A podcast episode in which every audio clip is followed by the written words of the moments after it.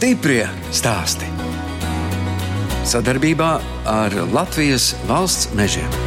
Vecmāmiņa cepa plātsmēs, viņa cepa pierēgus, cepa ruletes, robes kvīšus, kā mēs saucam, ar ievārījumu un pudercukuru.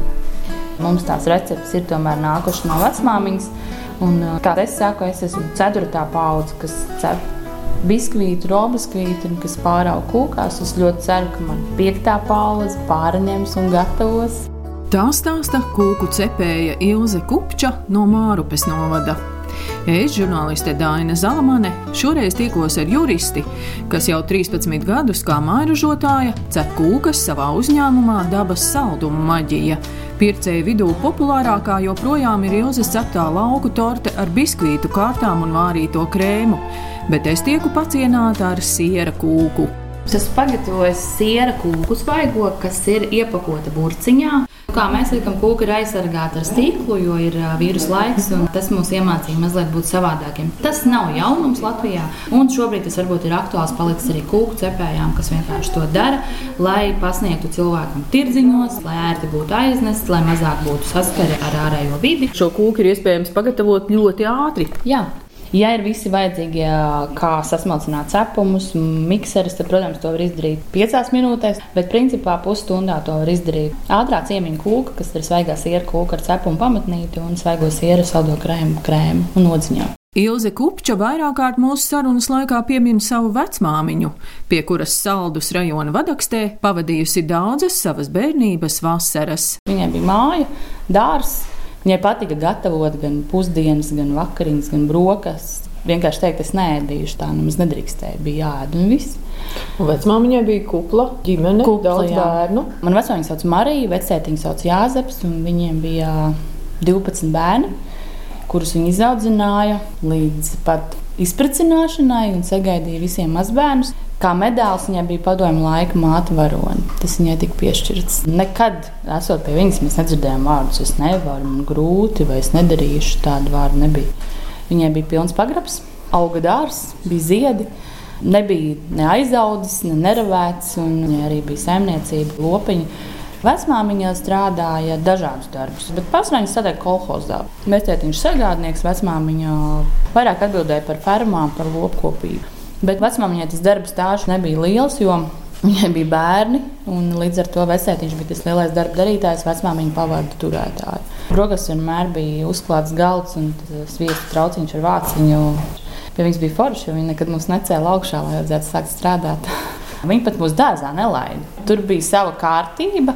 Tur bija gan zemenes, gan zirņi, gan rozes, gan viss tā bija kopā, kad mēs nemaz tur paši vieprātīgi ieiet nevarējām. Bija gatava zirņi, mums tika atnesta, bija gatava ogas, mums tika atnesta. Tad jums nemaz tur tā nenodarbināja ar kaut kādiem ne. augu darbiem? Nē. Mēs spēlējāmies, mēs skatījāmies, kā vecmāmiņa gatavo. Nu, protams, mēs paši gājām un palīdzējām. Vecmāmiņa bija laukos, bet tā ikdienas dzīve? Ikdienas dzīve man bija auce. Tur es mācījos skolā. Vecmāmiņa dzīvoja Reņģē, bet tad viņa uz vecumu pārvācās pie krustmātes uz auci. Es biju kopā ar viņu visu laiku sākumā vasaras, pēc tam jau visu ikdienā dzīvoju kopā ar viņiem. Un kas jums vēl kā bērnam interesēja? Kaut kādi pulciņi arī? Jā, bija? es biju mazpulcēns, mazpulks skatis un goda raksti. Un, ko te jūs audzējāt? Visu, ko, kas dārzā bija. Tas nebija tā daudz, bet mums tajā skatījās bija burkāni, es atceros, arbūzi, kas bija maziņi izauguši tajā laikā siltumnīcā. Tad mums bija rokdarbi, zeķes gan es neadīju. Mana vecmāmiņa adīja zeķes un izšuva. Cimdus man vadīja vecmāmiņas māsa, kas arī bija diezgan tuvu. Vēl joprojām mums nāk zeķis no vecmāmiņas, kas ir uh, mammas māsa, kur vēl joprojām āda zeķis un vienmēr mūs apgādā ar šādām siltām dāvanām. Tie mazpulcieni bija tādi, ka mēs bijām kopā tādas meitenes, un tur jau arī es cepu. Es gāju ciemos kaut kādu keksi vienkārši ar ābolu. Un man gribējās arī vēl kaut ko pamēģināt citu, bet tajā laikā jau bija soda, nevis cepamais pulveris, un tad to sodu pārber, un ēdiens nav ēdams. Un tad mamma saka, ka izmuļās visus produktus, bet tad jau bija lauka olas pašiem savas. Un nebija tāda svari, vienkārši uz acis samet visu iekšā un piepūtās un izcepās. Reizēm arī trāpīja, jo mammas svētdienās mums vienmēr cepa pīrāgus un plātsmājas. Mamma izauga ļoti lielā ģimenē, 12 bērni bija, un cik tad jums māsa brāļi? Mēs esam trīs. Es esmu māsa vecākā un man ir divi brāļi. Izaugām patstāvīgi, jo mamma jau strādāja un uh, palīdzējām arī pie saimniecības, kas bija mājās. Mums bija pat vienu brīdi, man liekas, piecas govs, sivēna māte, vistas, pīles cūkas, truši. Nu, viss, kas pie laukiem piederās, un um, govis ganos ir vestas, kūts ir tīrīta. Mēs te runājamies, un fonā jūsu mamma tur visu laiku rosās pa virtuvi, un laikam jau vāra pusdienas. Jā. Es tā pieļauju mazbērniņiem. Mammai arī patika pa virtuvi šiverēt. Man liekas, ka jā, mamma ir vienmēr konservējusi vēl joprojām. Un tur arī mēs iegūstam to laikam īstu mērci, īstu zupu. Ko mamma darīja? bija pārdevēja. Principā vecmāmiņas meitas bija tirgotājs. Visas ir veikalnieces. Tad jums tur arī kaut jā, kas no nu, tā. Es domāju, ka jā, kaut gan es, kā vienmēr saku, Rīga man iemācīja runāt, jo pēc vidusskolas atnācu uz Rīgu un sāku strādāt. Bija tāds pica džazs pie Rāņa bulvāra. Tur strādāju kā viesmīla, mācoties juristos, un pēc tam man paaugstināja par restorānu direktoru. Iemācījos to viesmīlību, iemācījos nebaidīties runāt ar nepazīstamiem cilvēkiem. Tad es sāku strādāt jau tiesu sistēmā kā tiesneša palīgs. Ilgi, bet kāpēc juristi? Tā bija Tajā laikā, laikam, bija tas tā, juristi vai ekonomisti. Tad tas bija ļoti moderni. Es aizgāju uz juristiem, jo man ļoti nepatika matemātika un ķīmija. Kaut gan um, jurists otrais kurs man pārsteidza, ka sarakstā bija augstākā matemātika. Bet nu, tas bija viens gads, un tur ar kursu biedru palīdzību tas viss aizgāja. Bet šobrīd tas viss ir atkal vajadzīgs, un tā ķīmija un vispārējais, kā tas viss reaģē, kaut kādas skābes, vispārējais. Dažādi juridiski jautājumi reizēm bijuši, kad vienkārši paziņas paprast, tur aizstāvēt tiesā. Laulības šķiršana uzturlīdzekļi, to es esmu izdarījis, to zinu. Zinu, kur likumu atrast, kā viņu pielietot. Bet, ja man liek izvēlēties, tad es tomēr izvēlos mairažošanu un es zinu to nervu, kā saka, kamolu kņudināšanu, kas ir tiesu sistēma darbā. Un, un kūks bija tās, kad es nācu mājās un es viņas gatavoju. Es uzlādējos un atbrīvojos no kaut kā. Līdzīgi kā citas jaunās māmiņas, Ilze Kūkas sāka cept, auklējot pirmo dēlu. Dzīvojām Siguldā, piedzima pirmais dēls. Un, uh, viņš bija ļoti mierīgs. Es visu biju savākus, visu izdarījis. Visas pusdienas pat vīram taisīju. Viņš brauc mājās, ēst pusdienas, ko ikdienā tā vajag nedarīt. Kaut kā tās kūks jau bija cepts, kāds bija paprasījis, un kaimiņos dzīvoja kundzīte, kas izveidoja veikalu dabas dobu, internetu veikalu. Un tā viņas doma bija tāda no vecmāmiņas dārza, no virtuves, kā grozā un pie lielpilsētas cilvēkiem.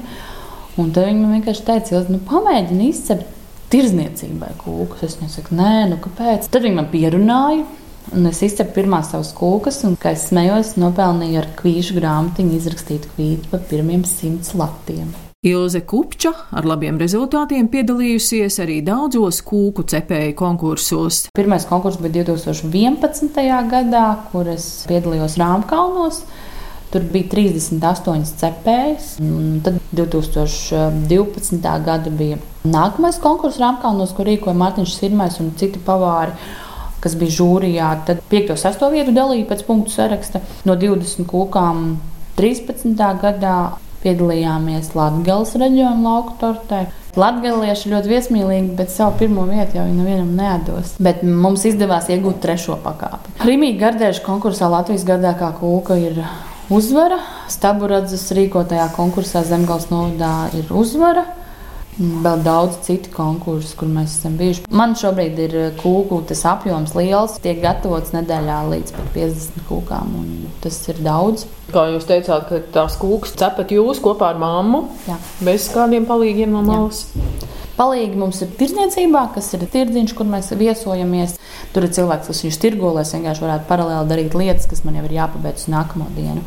Vai piegādāt palīdz vīrs, vēl kāda meitene, vai mēs arī esam Hokeja kluba Dienāmo 4. gadu kūku meitenes. Pasniedzam kūkus hokeistiem, izlozējam kūku, mēs pasniedzam jubilāriem, kas ir tajā spēlē. Šogad, protams, tas viss ir samazināts, bet mēs vienalga esam. Un šogad mēs plānojam viņus arī vēl atbalstīt Mārupas hokeja klubu. Stiprie stāsti.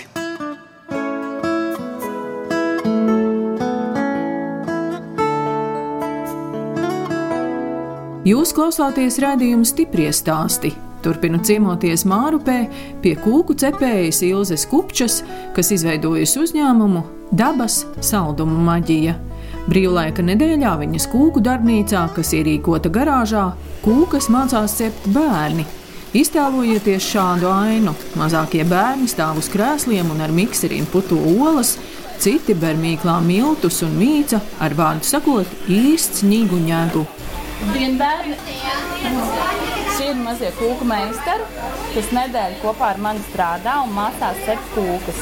Sākot no mīklām līdz gatavai kūkai. Viņi gatavos gan kūku kārtas. Un piektajā dienā viņi katrs pabeidz savu kūku. Šeit viņi gan mikserē, gan taisa mīklas, gan pieraksta, gan ieskaitas viņiem no rītiem ir. Tur šis tas iet arī pa gaisu. Jā. Kad, kad beidzās tā darbnīca, tad droši vien daudz jātīra. Uh, ne, mums vakar bija pirmā diena, kur mēs tieši apspriedām, kā ir gatavot, kā ir atstāt aiz sevis tīru darba vietu. Un, uh, ticiet vai nē, beidzoties dienai ap trījiem, mums ir tīra darba vieta.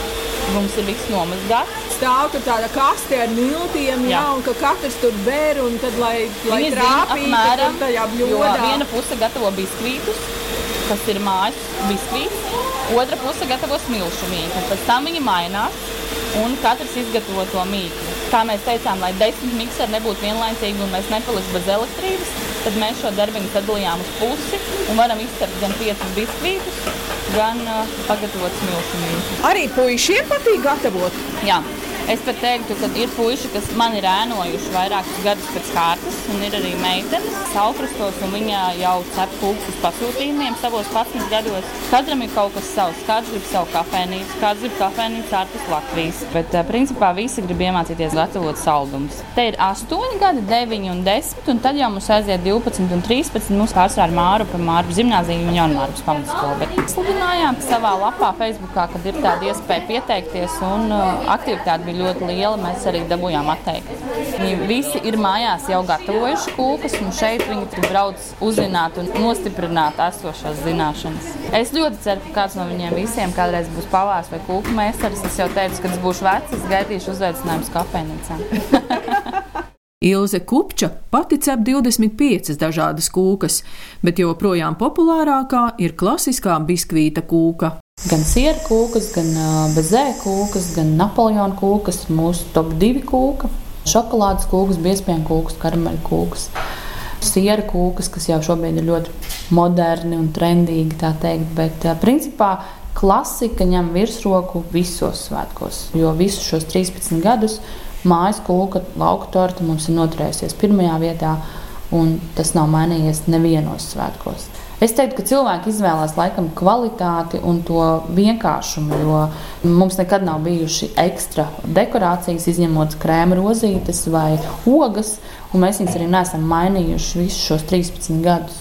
Man liekas, tas vienkāršais, tas ģeniālais, mēs varam ielikt šokolādes dekoru vai kaut ko tādu klāt, bet mēs nestrādājam ne ar rēvielām, ne ar ļoti lielām krāsvielām. Tas nav priekš mums. Jūs cepat arī kāzām tādas milzīgas tortes, trīsstāvīgas.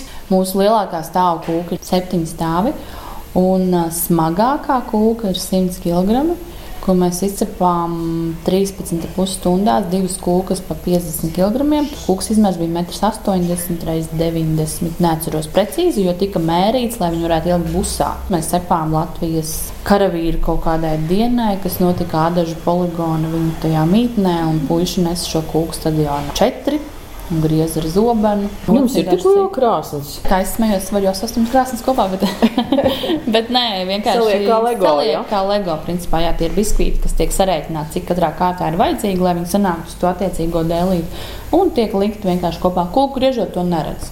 Vienā biskvītā ir apmēram 6 līdz 7 solis, un tāda bija vajadzīga 13 vienai kārtai. Nē, es pat nemēģinu iedomāties, cik tas ir milzīgs lielums. Jā, Nu, jā, tad, tad tas bija tāds jau vairākus gadus atpakaļ, un tad es sapratu, ja jau mēs varam izcept kūku tūkstotis cilvēkiem, tad mēs varam izcept arī lielāku. Jūs cepat arī sāņās kūkas. Mums ir sāļais Napoleons ar, ar šķīņķi, ar vistu un ar ā, jūras veltēm. Kā nu kurš izvēlās? Ir arī ceptas biskvītas sāļās kūkas, bet ar to mēs laikam tā ļoti neaizraujamies. Var jau uztaisīt jebkuru kūku, bet tomēr laikam jātaisa tas, kas vislabāk sanāk. Ilzi jums pašai kūkas garšo, daudz ēdat. Nu, nesaku, ka daudz, bet ēdu. nu, jums jānodegustē, vai viss ir sanācis tā kā vajag. Ja? Sākumā degustēju, šobrīd jau mēs jūtam to krēmu konsistenci, kad viņš šūmē un to izskatu, kad viņš ir un to cukuru, cik jāpievieno. To jau jūt šūmējot. Droši vien viss ir tik salds apkārt, tad drīzāk gribās kādu gurķītu uzkost vai Jā, ne, kaut ko tas, sāļāku. Tas, tas labāk, kāds marinētais gurķītis ir labāk. Jā. Nu, es redzu, ka tur viena burciņa stāv ar tiem gurķīšiem. Tas gan, jā, paši ražots, paši salikts. Nu, ievārījums ir katrai kūkai jāvāra tajā pasūtījuma dienā. Iepriekšējā dienā, kad tiek gatavota Kāpēc nevar paņemt no burciņas? Tad ir vajadzīga ļoti liela uzglabāšanas vieta, un mēs tomēr izvēlamies sasaldēt šos produktus, vai tie ir rabarberi vai tās ir rogas un izvārīt tad, kad uh, cilvēks pasūta, jo viņam ir iespēja izvēlēties to ievārījumu. Zērveņu, rabarberu. Ir cilvēki, kas ēd aliņu plūmīšu ievārījumu. Ir cilvēki, kuriem garšo rabarberis, ir kam negaršo. Klasika, protams, ir dzērveņu brūklens, āboliem kopā bez āboliem. Jo katram ir tā sava garša, un vārītais krēms ir viens. Tas ievārījums dod to savu garšu. Tiek sagatavots gan olas, kas ir iepirktas no zemniekiem. Mums ir trīs zemnieki, kas mums piegādā. Tikai lauku olas. Tikai ja? lauku olas mēs izmantojam no 200 līdz 500 nedēļā. Biskvīts no pirktajām olām, protams, viņš sanāk. Bet viņš tā neuzpūšās, kā viņam būtu jāuzpūšās. Krāsa arī, jā. Kaut gan esmu jau gadiem ejot, iepazinusi, ka arī lauku olas nevienmēr ir koši oranžas. Ir vēl kaut kādi noslēpumi, ko jūs joprojām mācāties, vai no nu, 13 gados jau tomēr daudz kas ir apgūts? Man jau liekas, ka tiem gadiem ejot, visu laiku kaut kas jauns nāk klāt dekorācijā, jāiemācās kaut kas jauns. Krēma rozītes es nekad netaisīšu no sviesta krēma, tas vienmēr būs no vārītā krēma, kas ir arī kūkā. Cilvēki arī grib ēst liesākas tortes, kurās nav Jā. tik daudz kalorijas, vai svētkos tomēr var atļauties. Es vienmēr saku, ja mēs ēdam kūku, tad apēdot kārtīgi kūkas gabaliņu. Var uztaisīt jau visādas tās kūkas. Bez kaloriju kūkas, svaigādā kūkas, vegānu kūkas un bez miltu, bez krējuma. To visu var. Bet tas ir tāpēc, ka mēs sevi mazliet gribam pasargāt no kaut kāda kaloriju daudzuma. Tad man liekas, ka vienkārši vajag ēst īstu kūku. Tie ir svētki, un mēs sev lutinām, un tas ir svarīgi, kā mēs šo kūku ēdam. Ja mēs viņu ēdam, lai atkal domātu, tur ir kalorijas, un es palikšu resnāka, vai man būs jāiet sporta zālē, vai mums jāiet skriet, protams, tā kūka arī to darīs. Bet, ja jūs ēdīsiet, lai tā kūka būtu enerģijas avots ikdienai vai dienai, nu, tad salīdzinām, mēs dzeram kafiju ar saldo krējumu un cukuru. Tas man ir enerģijai. Nu, tad dzeram melnu un ēdam kūku. Un tas būs tieši tas pats. Tas pats kaloriju daudzums varbūt pat mazāks. Mēs jau neēdam katru dienu kūkus. Mēs ēdam svētkos vai kaut kādā īpašā reizē. Bet arī tā kūku piegāde. Nav gadījušies kādreiz kādi kuriozi. Viens no tiem ir konkurss, kad vedot kūku, vīrs vienkārši strauji brauc.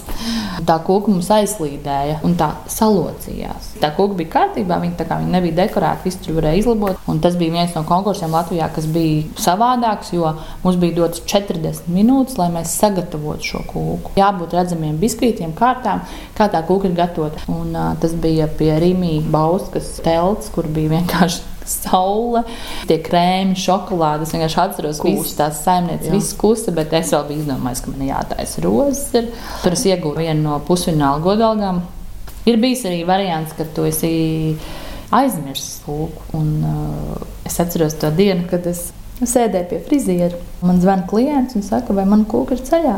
Un es saprotu, ka tā kūka nav pagatavota, un kad es saku, jā, viņi ir ceļā, mazliet kavēsies, būs ap tādu un tādu laiku, jo vienmēr es turu rezerves. Bet droši vien, ka bieži jau negadās to monētu. Nē, nē, tas nav bieži, bet ir arī nomesta kūka. Tā ir uh, svērusi 10 kg.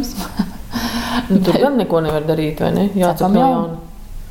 Tur suns bija laimīgs. Viņš man liekas, bija nokļuvis salduma paradīzē, bet vienmēr ir jābūt tam rezerves variantam, jo tur nav citu variantu. Jo arī krēmiem ir jābūt sagatavotiem iepriekš, lai to īsā laika periodā varētu pagatavot. Krēms ir jāatdzesē, viņš ir jāsaputo. Labi, tagad es iepazinu savas krāsnes, es zinu, cik ilgi tas process prasa, bet ir ļoti jābūt priekšzīmīgam, pierakstot. Kūks ceļo pa visu Latviju. Pierīgi noteikti ir mūsu klienti. Tālāk ir laikam ceļojot ar lidmašīnu uz Norvēģiju, un Īriju un Angliju. Tas arī ir risks. Tajā lidmašīnā, cik tur būs grādi, vai tur kaut kas nenotiks? Nu, viņi ir likuši iepakotu kastītē. Līdz šim visas ir nonākušas daudz maz izskatā normālā, bet Latvija ir Talsi, Cēsis, otrs gals, Liepāja, Ventspils. Ir kāzinieki, kuriem ir viesu mājas, viņos nav leduskapi, tad mēs esam tie labie cepēji, kas piegādā uz to attiecīgo momentu, reizēm pat uz 12. vakarā. Jūs to kūku cepšanu esat apaudzējusi arī ar visādām lietām. Nu, mēs jau bijām aizgājuši, kur bērni tagad mācās cept kūkas. Mums ir meistarklases gan pieaugušajiem, gan bērniem. Tagad mēs esam sākuši tādus kā kursus arī pieaugušajiem. Gaidām savu licences numuru, ko mums piešķirs kā kūku meistars. Mēs varēsim cilvēkus aicināt, jau kad viņi arī varēs kā izglītības iestādē iegūt šo apliecību un pielietot varbūt darba jautājumos. Sākot, kā es saku, no ikdienas līdz pat nopietniem cepšanas kursiem. Mums ir kūkas, zefīri, cepumi, mazās kūciņas, ievārījumi. Paši gatavojam konfektes, nāk Ziemassvētku piparkūku mīklu. Un tā telpa, kur tas viss notiek, tā ir bijusi garāžiņa. Jā, pilnveidot un attīstīt tieši cepšanai.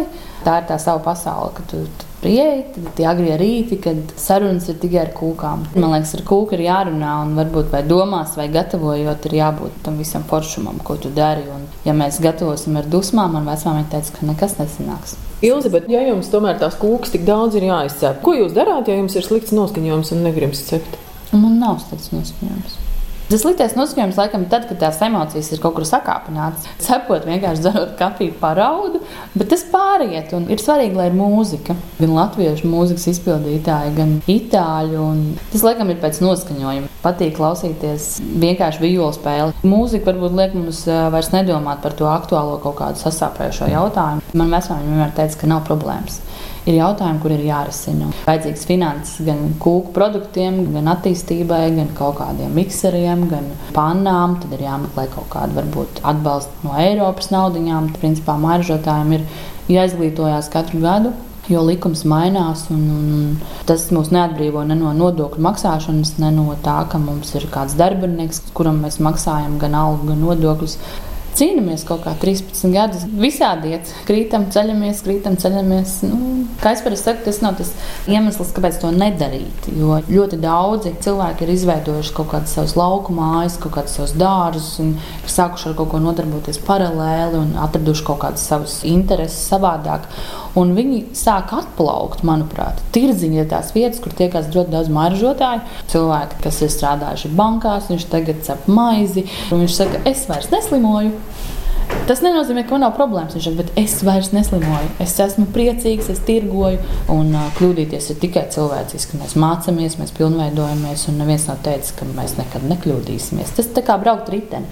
Viens iemācās uzkāpjot un aizbrauc, cits cik reizes nokrīt, vai viņš nepārstāja kāpt uz riteni. Nē, viņš kāpj un brauc. Stiprie stāsti!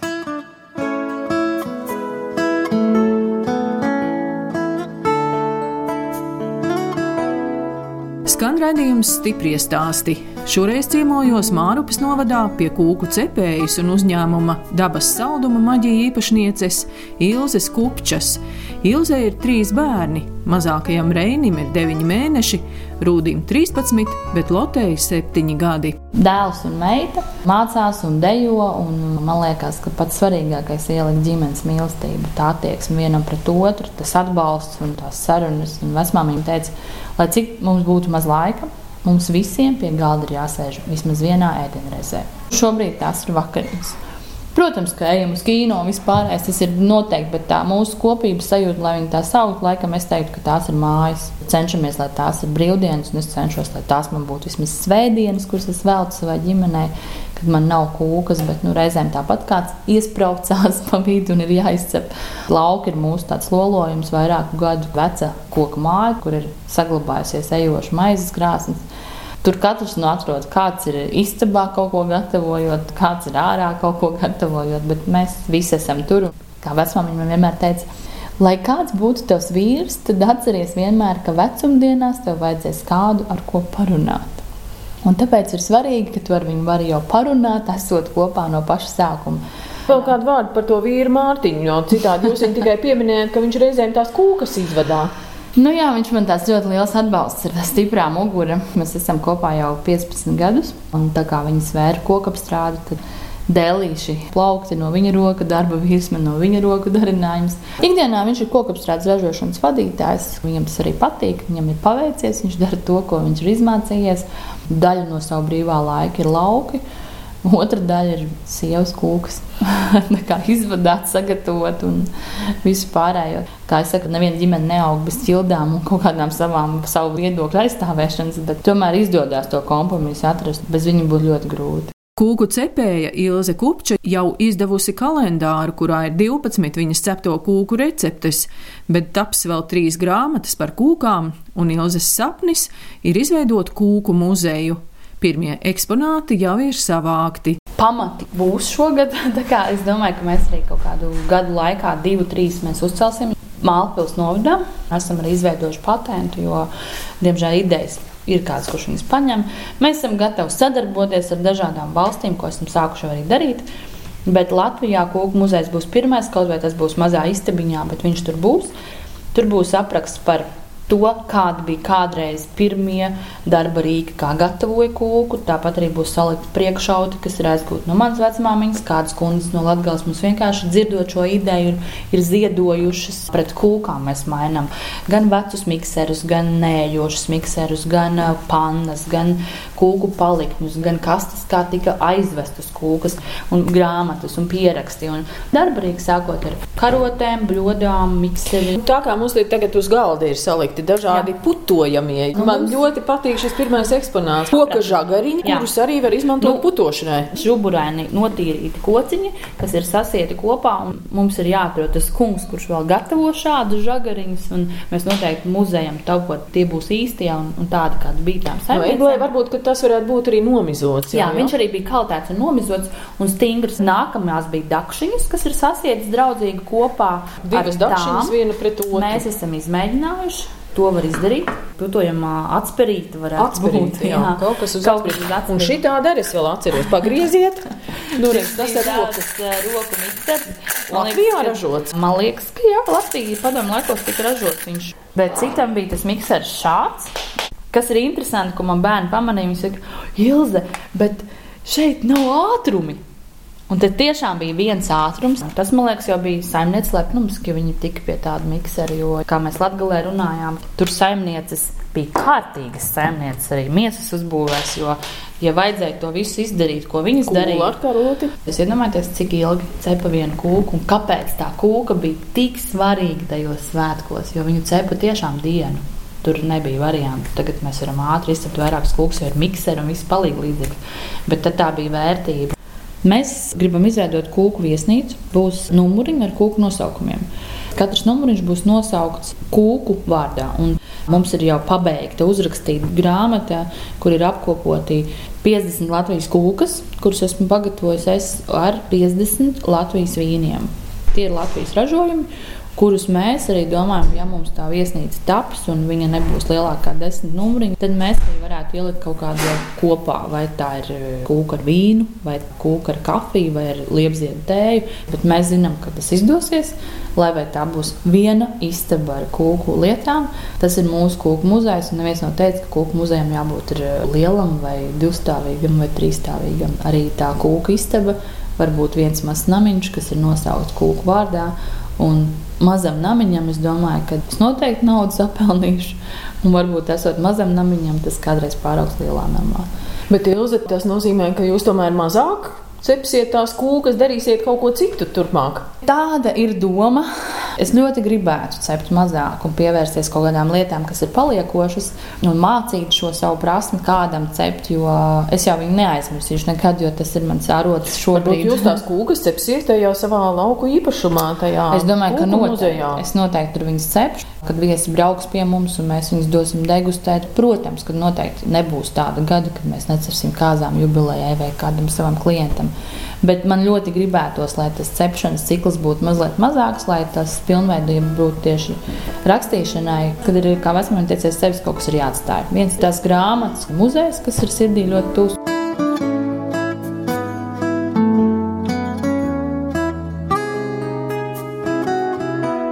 Redījums stipri stāst izskan, un es atvados no Ilzas Kupčas, mājražotājas, kas Mārupas novadā ne tikai cep kūkas, bet arī izdod grāmatas par kūku cepšanu un veido kūku muzeju.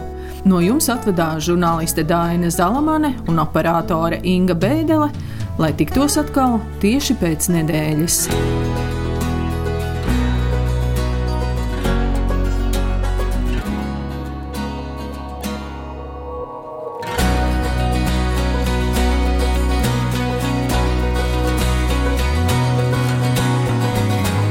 Stiprie stāsti. Sadarbībā ar Latvijas valsts mežiem.